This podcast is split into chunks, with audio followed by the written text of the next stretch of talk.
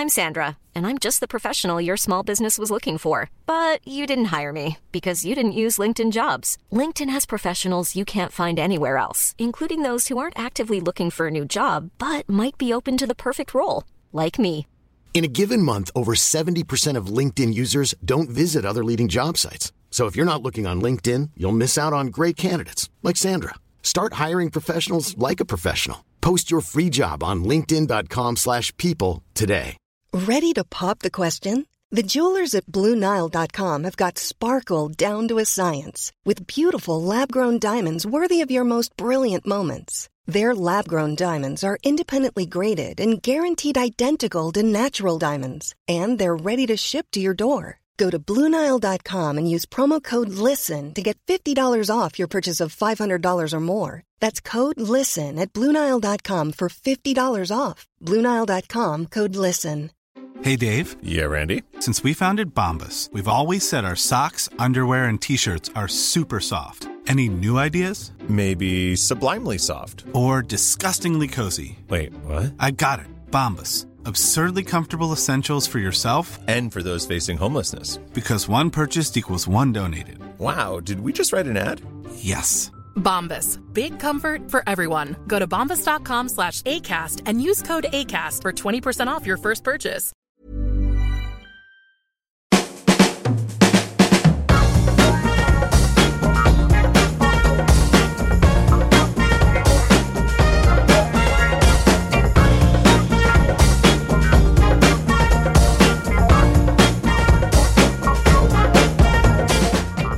Välkomna till Health for Wealth, en podd om hälsa på arbetsplatsen. Det här är vår tredje säsong och det här är avsnitt 37. Jag heter Ann-Sofie Forsmark, jag är hälsostrateg, civilekonom och hälsocoach. Och jag heter Boel Stier och är copywriter och kommunikatör. Idag ska vi prata med Ann-Therese Enarsson som är VD på Futurion. Om framtidens arbetsplats. Men först en tillbakablick. Förra gången fick vi vara lite extra på tårna för då var vi gäster i Skandias lokaler. Och hade betydligt fler personer i studion än vad vi har när vi spelar in här hos Agda Media. Ja, det var jättekul eh, och intressant och vi hade en kunnig panel som vi hade tillgång till eh, och ställa frågor och vi hoppas att ni fick med er mycket matnyttigt. Eh, och jag vill också passa på att lyfta ett event som jag ser fram emot väldigt mycket och tänker att många av våra lyssnare kan vara intresserade av. Och det är Nordic Health Convention, en konferens om hälsa på, när man tittar lite samhällsperspektiv, men även företags och individnivå. Och den anordnas tillsammans med Kvalitetsmässan på Svenska Mässan i Göteborg. Och i maj så hade man ett första tillfälle, men man blev av ganska naturliga skäl inte klar med de här diskussionerna. Så nu fortsätter de i höst och sen i vår igen. Den 24 oktober, då har vi, jag och Boel alltså, äran att vara moderatorer på Skandias hälsoseminarium med intressanta gäster. Dit kommer bland annat läkaren och psykiatrikern Anders Hansen som har skrivit den populära boken Hjärnstark. Mm. Och en annan gäst som vi faktiskt haft här i studion nyligen, det är Torbjörn Eriksson. Han är vd för Tenant och Partner och vann utmärkelsen Årets hälsofrämjande chef 2016. Och Skandia erbjuder via oss fem stycken kostnadsfria platser till seminariet. Är du intresserad av att vara med på den här späckade förmiddagen i Stockholm så är du varmt välkommen att göra en intresseanmälan till event.skandia.se. Uppge ditt namn och vilken organisation du kommer ifrån. Och skriv gärna hälsa i ämnesraden. Hoppas vi ses. Nu välkomnar vi in Ann-Therese Enarsson, VD för Futurion. Välkommen hit. Tack så mycket. Futurion är en tankesmedja för framtidens arbetsliv och ni ägs av TCO, Tjänstemännens centralorganisation. Stämmer det? Ja, BTC och TC-förbundens tankesmedja. Ja. Och du var med och startade den här organisationen för ett och ett halvt år sedan, eller hur? Mm, mm. Vad var anledningen till att allt startade? Anledningen är ju att, att vi står inför en, eller vi står, vi är väl mitt i en stor strukturomvandling nu i arbetslivet. Där tek, framförallt teknikutvecklingen påverkar framtidens arbetsliv. Det är ju en väldigt stor teknikvåg eh, just nu som sköljer över oss och kommer ställa helt nya krav på de som är i arbetslivet men också de som kommer att komma in i arbetslivet. Vilka kompetenser och färdigheter vi kommer att behöva rusta oss med. Mm. Så det är det som var bakgrunden. Det var helt enkelt att vi behöver vara mer beredda eh, på det arbetsliv jag står inför att möta. Så att man inte bara blir utsatt för det som händer, Ja. utan kanske lite kan äga en del av eh, utvecklingen också. Ja, Det klart. talas ju mycket just nu om att eh, många av våra jobb, och, och framförallt de enklare jobben, eh, kommer att tas över av robotar, pratar man om i en nära framtid.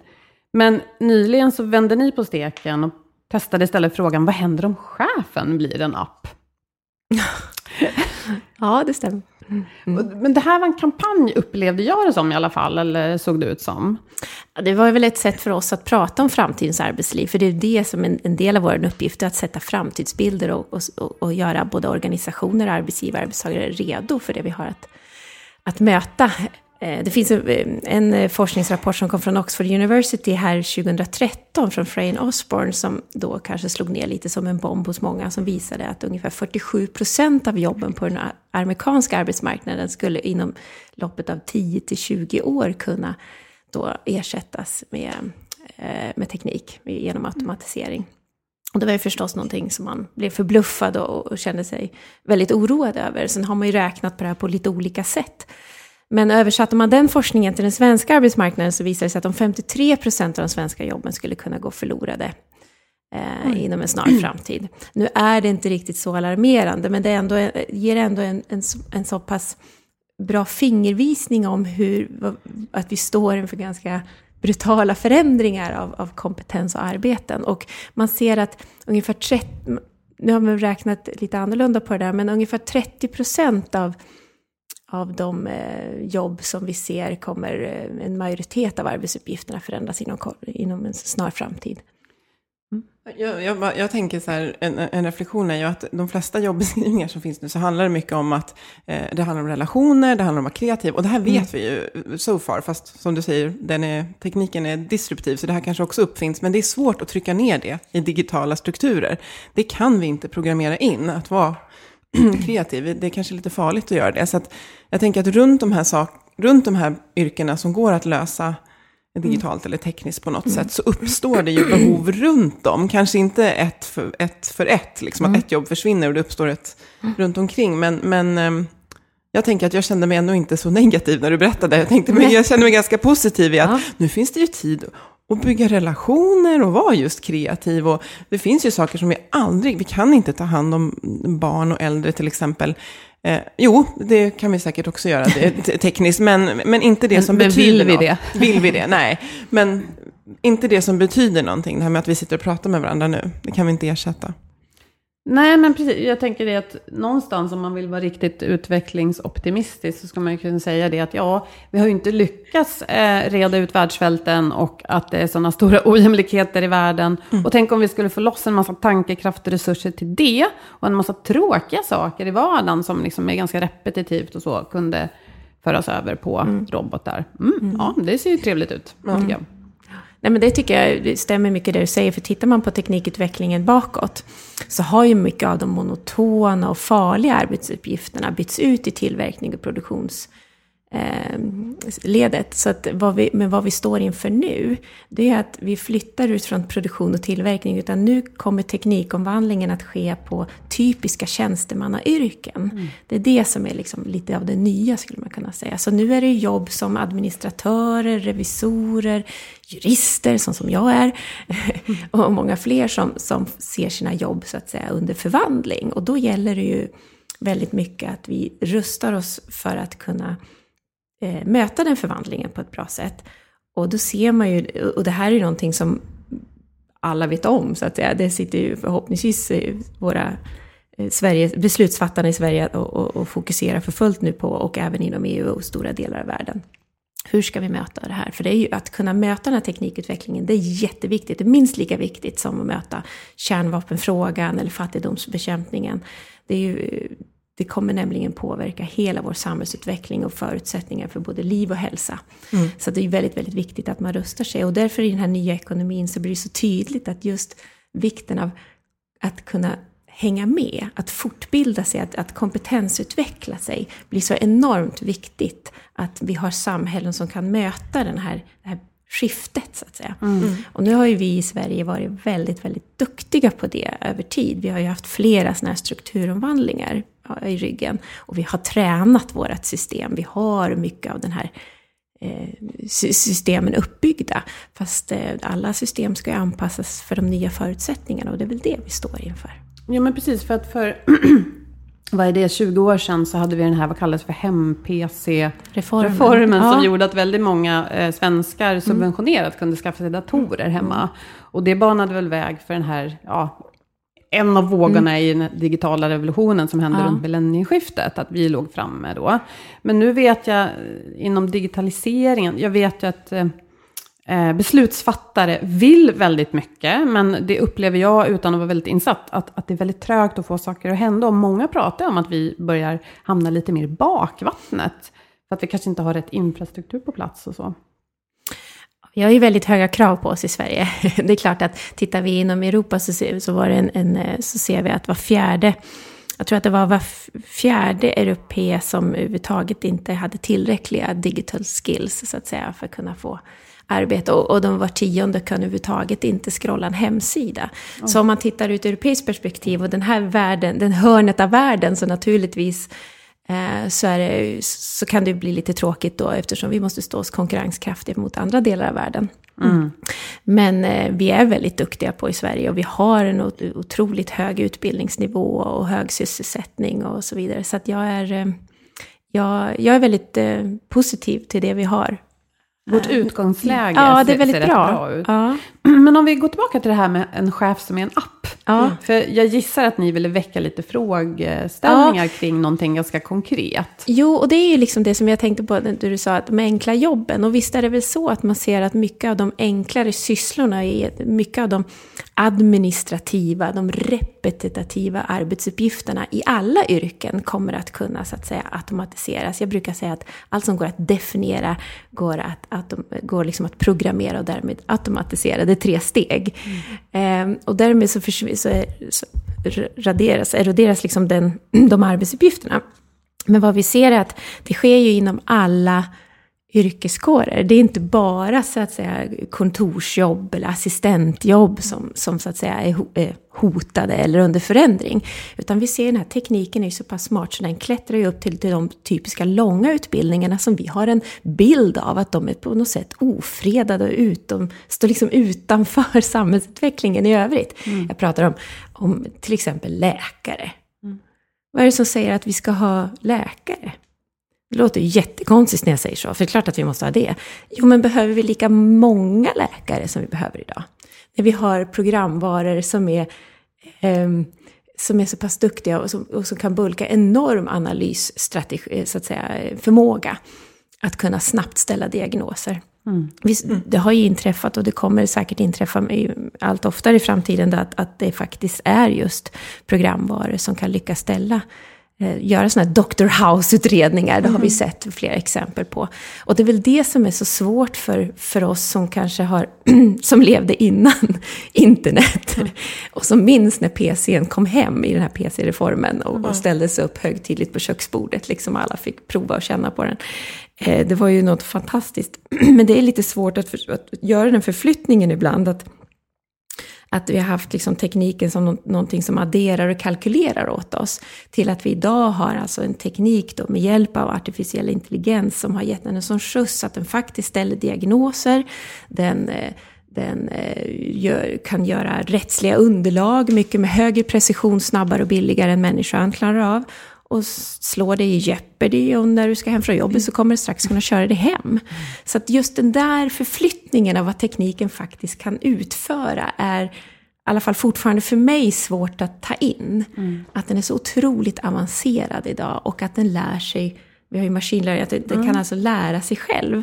För Maskininlärning, att ja. helt enkelt systemen korrigera blir, sig blir själv. Bättre den kommunicerar med, med sig själv. Mm. Oj, nu gjorde jag lite tokigt, nu måste jag korrigera. Alltså, så, mm. så går det inte till.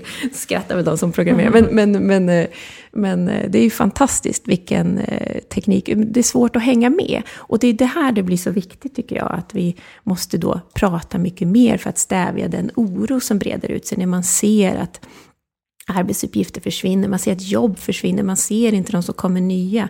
Man känner att man inte hänger med i samhället. Det skapar någon slags dålig stämning, alltså en oro som är många Också gånger för att man kanske inte riktigt kan ringa in det här, eh, ja, det här lite vaga framtidsbegreppet. Men jag tänker att vi har ju pratat här i podden om att chefer, och speciellt vi har haft väldigt goda chefer som har suttit här och sagt att relationer och bygga relationer är något väldigt viktigt för en chef. Ja. Och det måste man ha tid för i kalendern. Jag tänker Ja, att eh, Ja. ett, ett teknikstöd för mer rutinmässiga saker som en chef också behöver göra. Eh, om, om det kan avlasta henne eller honom. Mm. Jo, nej, men det var väl det som vi, när vi gick ut, det var att vi tittade just på vad är det många chefer idag gör. Det finns ju många olika slags chefer, men det är ju en ganska tung administrativ börda många gånger. Det är planering av olika slag, det är uppföljning av olika slag, etc. med mera. Och det här kan ju ganska lätt att visa det. Vi har samarbetat med en tankesmedja i USA som har ett labb och de experimenterade och byggde en sån här programvara. Se om det gick att ersätta en, en, en chef. Och det, då gav den en, en uppgift att skriva en, en, ett, ett avancerat beslutsunderlag med en vetenskaplig rapport helt enkelt till företags, en företagsledning på ett Forbes 500-företag, tror jag det heter. For, ja, Fortune menar jag. Ja. Eh, I alla fall, så, så körde de igång och då visade det sig att den här programvaran kunde alltså upphandla, den upphandlade och koordinerade uppåt 23 forskare runt om i världen genom att Genom att då beställa och lägga ut arbete. Så att de här forskarna skrev och så levererade de in och den här programvaran koordinerade och paketerade och summerade och skrev sammanfattning etc. Så det är fantastiskt. Eh, Och det här med, gick mycket snabbare med högre precision då än än mänskliga handen. Så det visade, det var ju förstås då ett experiment. Men det var ju ändå fantastiskt vad som gick att göra och ifrågasatte just då vad är det jag som chef och gör på jobbet? Och framför allt så har det också med att göra att organisationer idag samtidigt i den digitaliserade världen blir liksom, kanske behöver bli lite plattare. Vi måste gå från pyramid till plattform och titta på de här nya företagen som, som startas idag. De är rätt så platta och icke-hierarkiska många gånger. Eh, korta beslutsvägar och måste vara ganska snabba. Eh, och så tittar man på de stora företagen med stark hierarki som industrialiseringen byggde, som den tiden då krävde. De, de här två företagskulturerna möts. Eh, och jag tror att den digitaliserade världen ser vi då att vi behöver liksom ha lite flackare hierarkier. Så vi kommer alla organisationer tror jag rakt över att påverkas.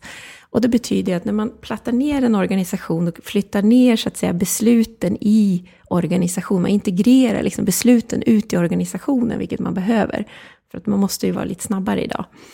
Eh, då, då tror jag att den här mellanchefen sitter rätt tajt till, alltså kommer behöva ändra sina arbetsuppgifter. Jag tror inte heller att man i framtiden kan gå runt och bara vara, jag tror inte man gör det redan idag på vissa företag, gå runt och vara chef hela dagarna. Jag tror att man måste vara beredd att göra mycket, många fler arbetsuppgifter. Att ibland jobbar man i lag och sen så kommer man in och så leder man och sen har man ett, eh, möjlighet att vara just man pratar och, och coachar och är det här stödet som en ledare ska vara. Så att säga. Precis, här, här blir de här två begreppen chef Mm. och ledare. Ja. För det låter ju egentligen jättetrevligt om man kan just trycka ner eh, repetitiva uppgifter som, inte, som, som, som kanske går att kvantifiera men som inte är kvalitativa på samma sätt som att gå runt och kolla hur folk mår. För det blir ju väldigt svårt att, att Ja, göra. precis, så det att- frigör tid Ja, så att att kolla leda. så här, orderingång eller vad det nu Ja. skulle kunna vara Ja. och stämma av det med bemanning och andra Mm. resurser och göra det på löpande basis. Det skulle man då kanske inte behöva göra utan då skulle man få rapporter med jämna mellanrum.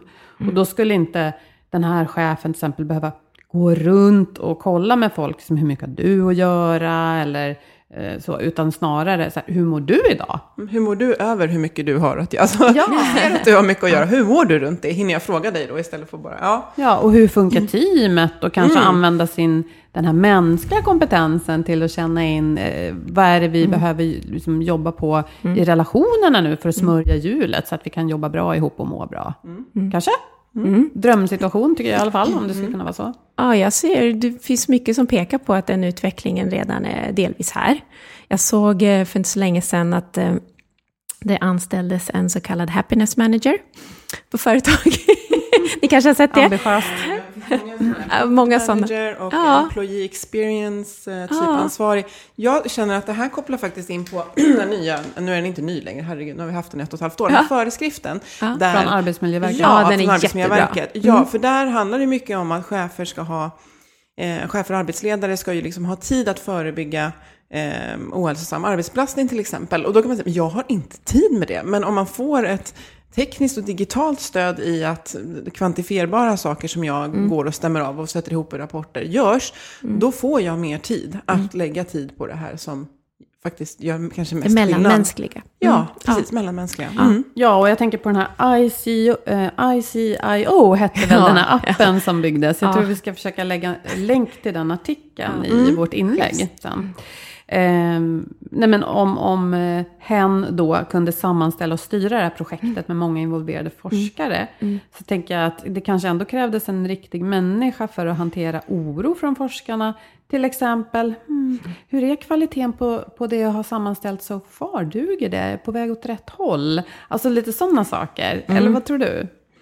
Nej, men jag tror att människor runt omkring kommer ju alltid behövas och för kvalitet och kontroll på ett sätt. Eh, så är det ju. Så vi blir ju inte helt, e, helt ersatta. Vi kommer bara få helt nya uppgifter. Och framför allt liksom just ehm, vi tittade på en annan rapport som vi gjorde. Det var att vi blev lite nyfikna på att, att att ha ett, vi ska ju prata om framtiden, då måste vi liksom knuffa oss längre in i framtiden än tio år.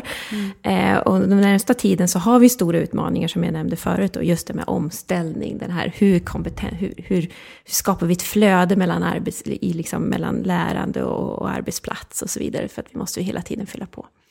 Eh, det är en sak att, att skapa det flödet, men på längre sikt så måste vi titta på vad är det ett automatiserat arbetsliv kommer att kräva för färdigheter och kompetenser. Vad är det för någonting? Vad ska jag säga till min femåring? Liksom? Ja, eller säga, eller stimulera så att säga. Redan börja arbetsträna. Nej, men eh, vad, vad, ska, vad är det för liksom, 2030? Vad, vad, hur kommer det se ut då? Liksom? Vad kommer man efter, efterfråga då? Ja. Och då kollade vi på den forskning som finns på det här området och andra vederhäftiga källor. Så sammanställde vi det i en rapport som heter Framtidens färdigheter. Och då blir det ganska tydligt hur mycket mer mänskligt arbetslivet kommer att bli. För att i en värld där det digitala och andra så tekniska hjälpmedel kommer att kunna sköta monotona, kanske till och med tro, tro, tråkiga och trista arbetsuppgifter, så kommer vi få mer möjlighet att, att faktiskt vara, göra det vi människor är bäst på. Det vill säga vara nytänkande, vara, den sociala kompetensen, kreativiteten, övertalningsförmågan, förhandlingsförmågan. Herregud, som småbarnsförälder vad man har skillat den. Jag är redo. eh, nej, men också och, och förmågan till medkänsla. Alla de här färdigheterna som egentligen ryms i oss som mänskliga varor får vi då möjlighet, peka mycket på, att kunna utöva i det mer tekniska arbetslivet. Så det, det talar ju också väldigt mycket för att kanske något eh, färre läkare, men desto fler sjuksköterskor. Mm. Det, så, så, så skulle det kunna vara. Mm. Om man tänker på rent utveckling av arbetsuppgifterna.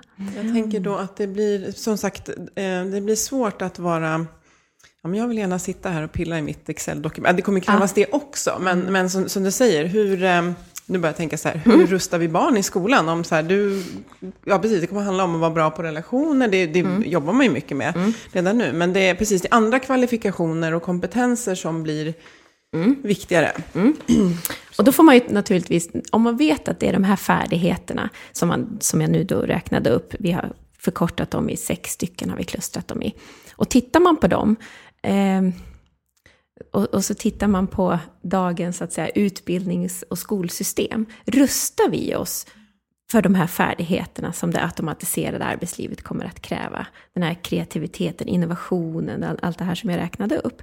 Gör den det, så backcastar man och tittar man så bara, ja, kanske inte riktigt va? Utan dagens skol och utbildningssystem är ju mycket byggt för att rusta oss för det industrialiserade samhället som har tagit oss ända hit och som har tjänat oss jättebra.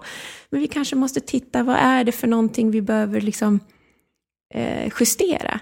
Och är det liksom det här kreativiteten, nyfikenheten och allt det här som ehm, stim, få, är, är, vi godkända först efter en universitetsstudie? Är det där vi utvecklar de sista kritiska färdigheterna? Jag ju, hävdar ju bestämt att det inte är det. Utan de färdigheter, de utvecklar vi väldigt, väldigt tidigt i livet. Och därför så brukar jag säga att kanske är det så att det är förskolan som är de nya högskolorna.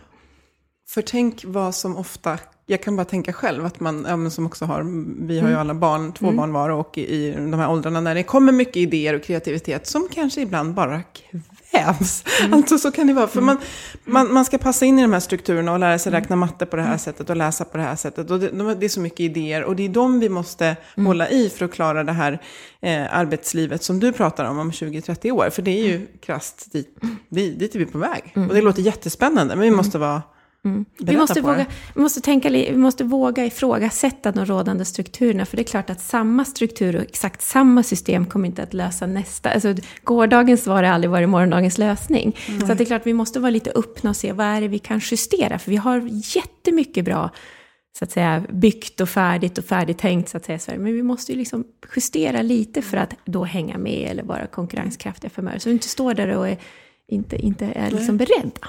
Jag tänker ändå på vad jag ser när jag, eh, det, det jag kan ta del av i min dotters skola, hon är Mm. 13 och precis börjar sjuan. Så skulle jag nog ändå säga att, bara för att försvara skolan lite grann. Ja, men för att det är nog svårt, om, alltså, lärarna där säger att de rustar barnen för en framtid där barnen kommer att förstå och veta mycket mer än vad lärarna idag vet. Så att de, de pratar verkligen om att vi är på väg in något osäkert och det ska vi försöka rusta er för. Och det jag märker, skillnader på hennes liksom, ja, läroplan vet jag inte, men det jag ser att de håller på med och det som krävs av henne, som inte fanns när jag gick i eh, ja, sjuan, de behöver reflektera väldigt mycket. De behöver verkligen sammanställa information och visa att de kan eh, lägga till sina egna tankar. bra. Och, och det här tycker jag är lite universitetsnivå. Annars, eller för mig, liksom, så hände inte det riktigt först kanske gymnasium. Och, så jag tycker att det har man verkat ta till sig tidigare.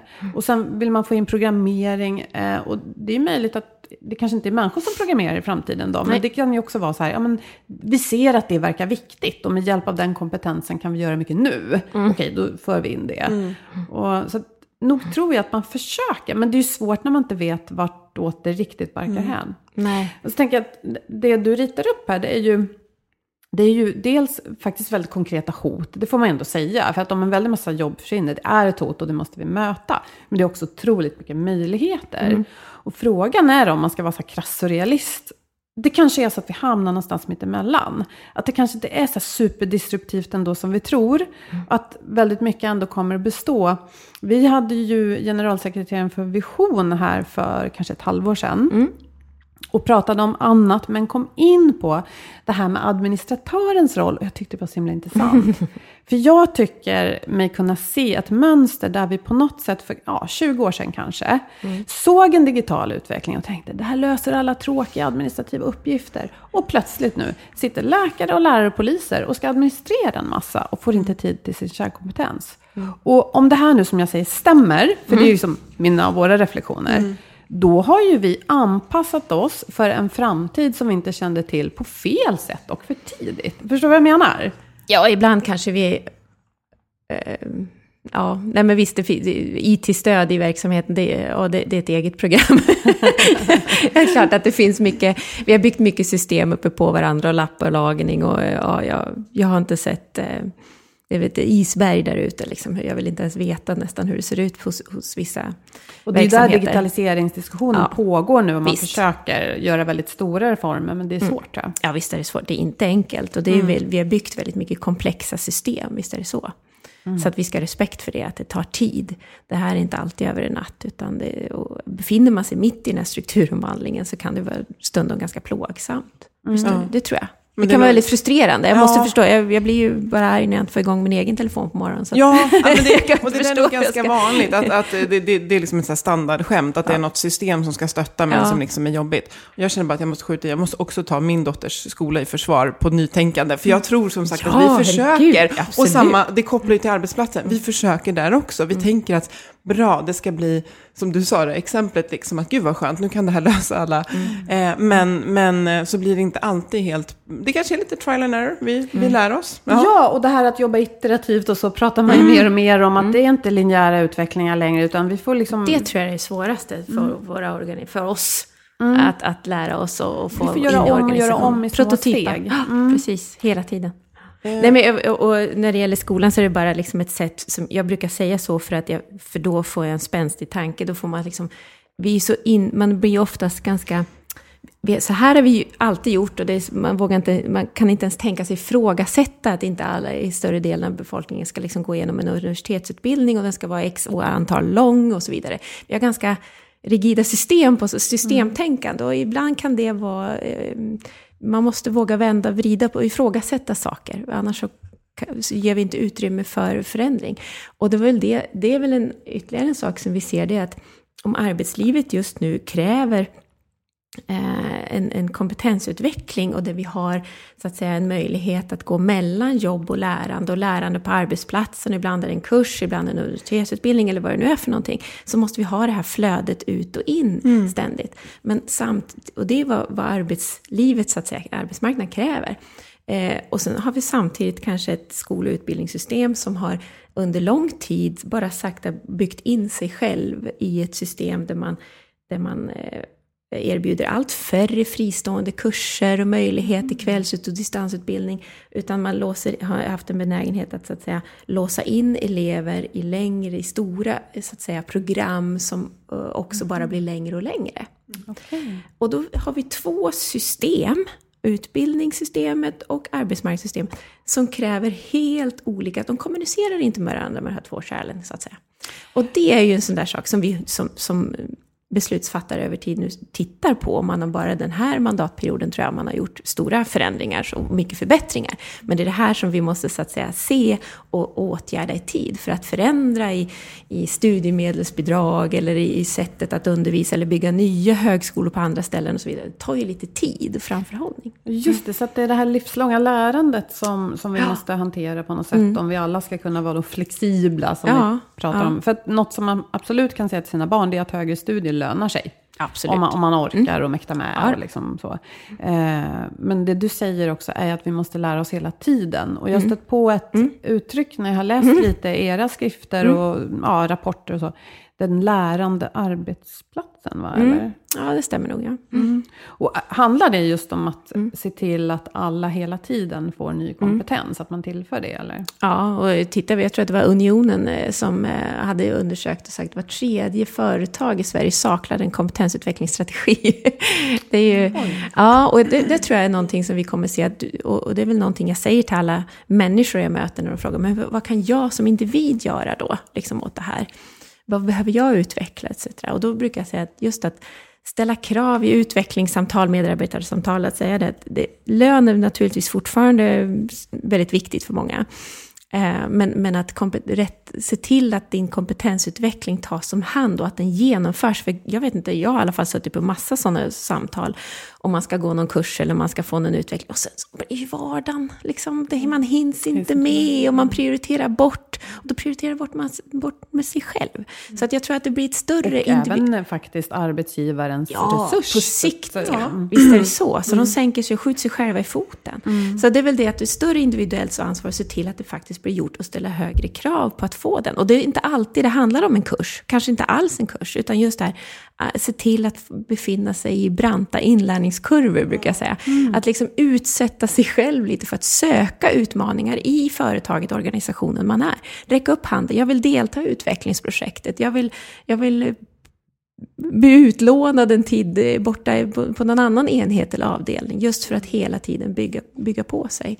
Och det, det tror jag är ett större individuellt ansvar. Och då känner jag att det där ställer ju också krav på, som gärna tänker på hur hjärnan funkar, det här med hur man måste ha det organisatoriskt och socialt på jobbet. Att det är jätteviktigt att det är eh, kommunicerat, uttalat, eh, exemplifierat, men också att känna att man mäktar med och känna att jag längtar efter utveckling. För ganska många känner att jag mäktar precis med det här och inte mer. Jag Nej, orkar nej, jag inte. Nej. Eh, jag måste leverera, men att, att skapa utrymme för lärande, vilket också är en liksom investering i både lönsamhet och produktivitet Mm. och trivsel och allt möjligt. Eh, det, det ställer höga krav på arbetsgivaren, det gäller att jobba med det. Det blir, det blir både kultur och strukturfråga.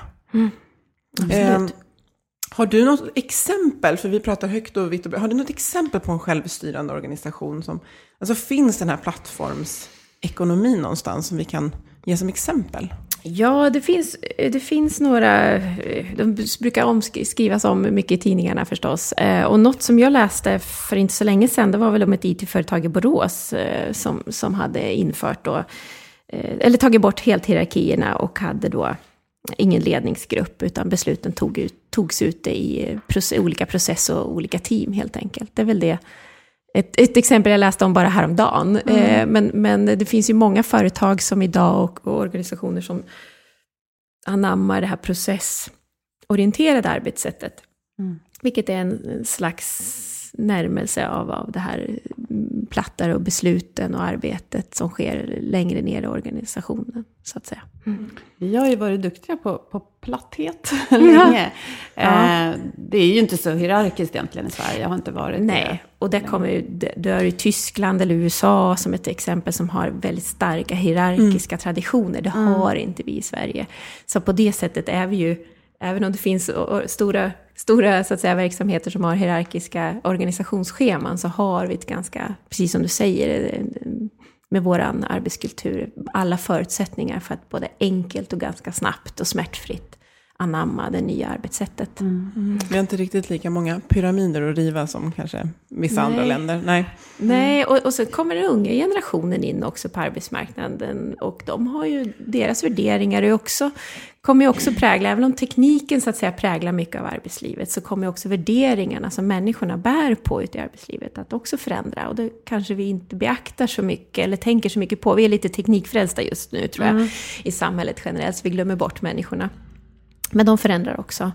Och tittar man på de värderingar som de bär sig in så är det mycket det att man, man vill ha ett demokratiskt ledarskap och man, man värderar balans i livet och man vill liksom eh, kunna utvecklas. Och karriär är väl, är ju, ser man kanske lite på ett annat sätt och sådär. Man kan tänka sig utvecklas liksom linjärt och det är inte alltid liksom till toppen och sådär. Så att man, jag tycker att den generation som kommer in nu är mycket eh, både coolare och rikare på något sätt och har fler dimensioner av ett arbetsliv. Och ett liv framförallt.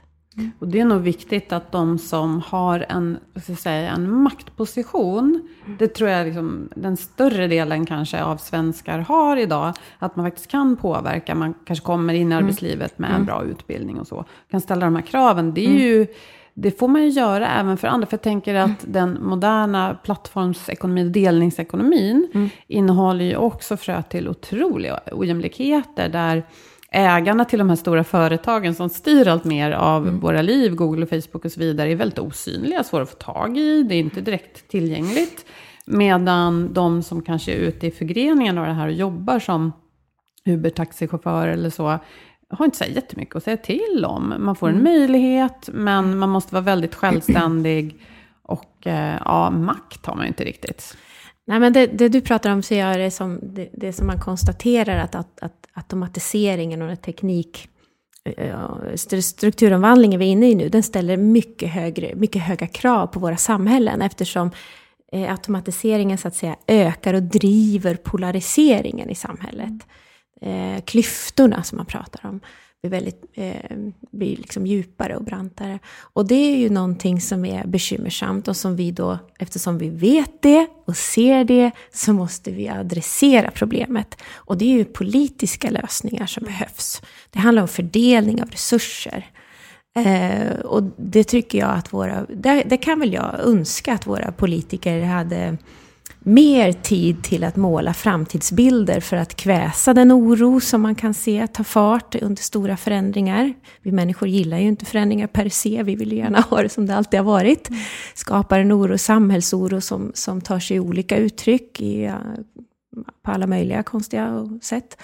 Eh, och, och, och den, eh, och just skapa de positiva framtidsbilder vi har och gör de åtgärder som behövs i tid. Det finns ju mycket man till och med är överens om som man eh, båda så att säga sidor vill göra, men, men man får det inte gjort för att man har, man, ja, nu är jag kritisk, men jag tycker att man ägnar alldeles för mycket energi och tid åt taktiserande än att ta hand om samhället och, och samhällsbygget i stort. Mm. Och det kanske också lite grann är en effekt av den polarisering som Mm. sker och att som, inte heller det politiska landskapet ser ut som förr. Nej. Ja, nej, men det där är Nu står vi inför ett valår och jag hoppas att, eh, att, eh, att det kommer att få ta större plats i, i debatten. Och att man kanske inte bara slåss om hur mycket pengar man skjuter till i olika penningpåsar, utan Mm. faktiskt också vad man vill se, som du säger, eh, i framtiden. Hur Mm. vi ska... Så vi får ställa högre krav på våra politiker helt enkelt. Ja, och, och när vi gör det måste vi också hjälpa dem. För jag Mm. tänker att eh, det är ju politiker, journalister och Mm. folk som sticker ut hakan är ju också utsatta idag.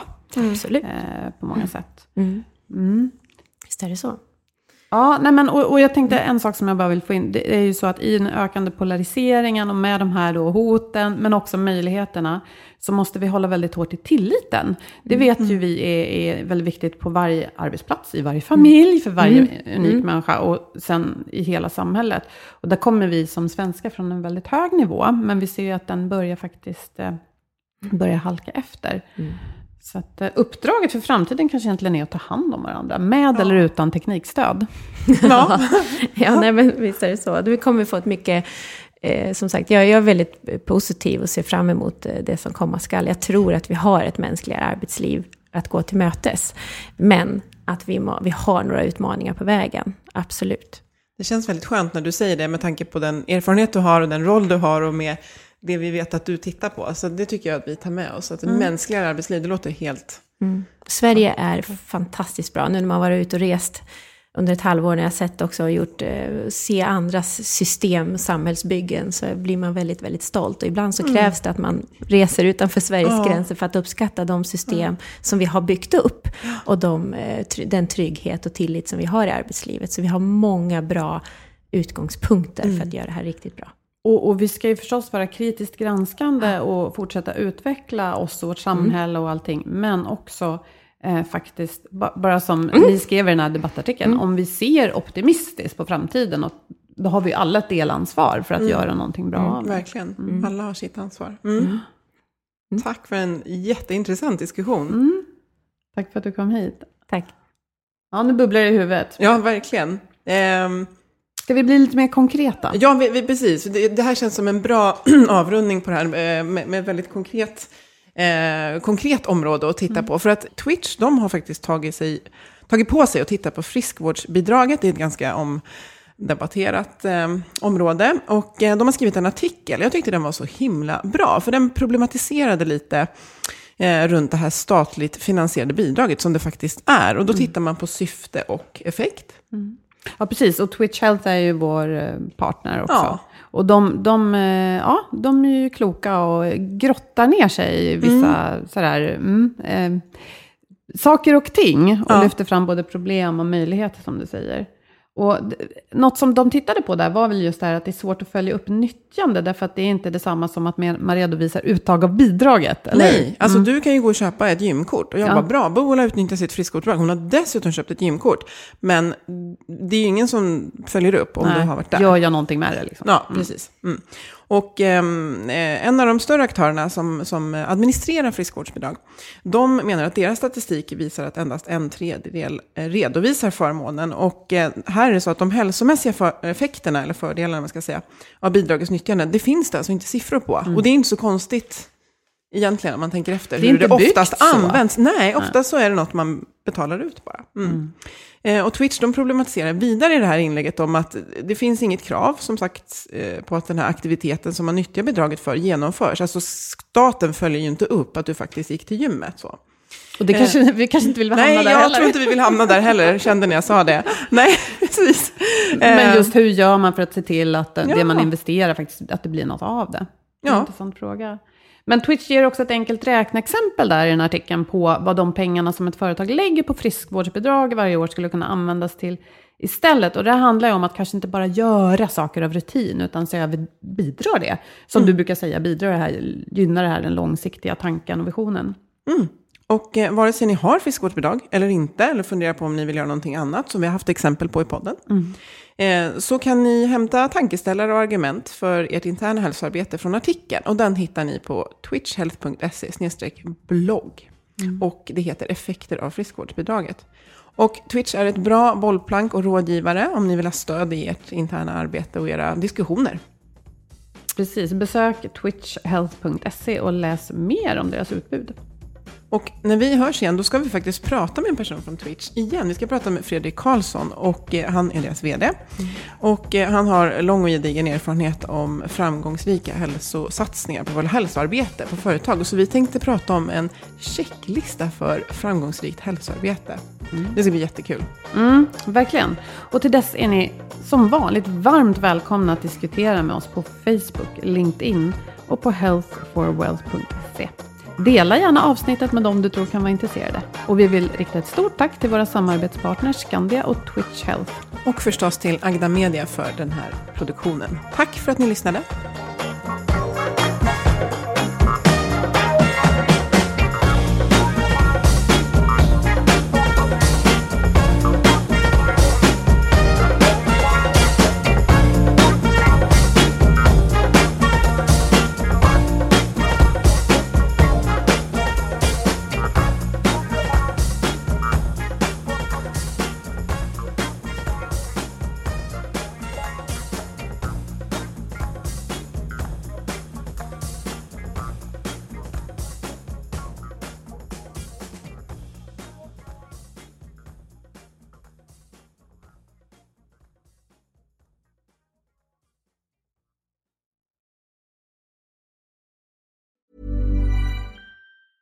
Mom deserves the best, and there's no better place to shop for Mother's Day than Whole Foods Market. They're your destination for unbeatable savings, from premium gifts to show-stopping flowers and irresistible desserts. Start by saving 33% with Prime on all body care and candles. Then get a 15-stem bunch of tulips for just $9.99 each with Prime. Round out Mom's menu with festive rosé, irresistible berry chantilly cake, and more special treats. Come celebrate Mother's Day at Whole Foods Market. Flexibility is great. That's why there's yoga. Flexibility for your insurance coverage is great too. That's why there's United Healthcare Insurance Plans. Underwritten by Golden Rule Insurance Company, United Healthcare Insurance Plans offer flexible, budget friendly coverage for medical, vision, dental, and more. One of these plans may be right for you if you're, say, between jobs, coming off your parents' plan, turning a side hustle into a full hustle, or even missed open enrollment. Want more flexibility? Find out more about United Healthcare Insurance Plans at uh1.com.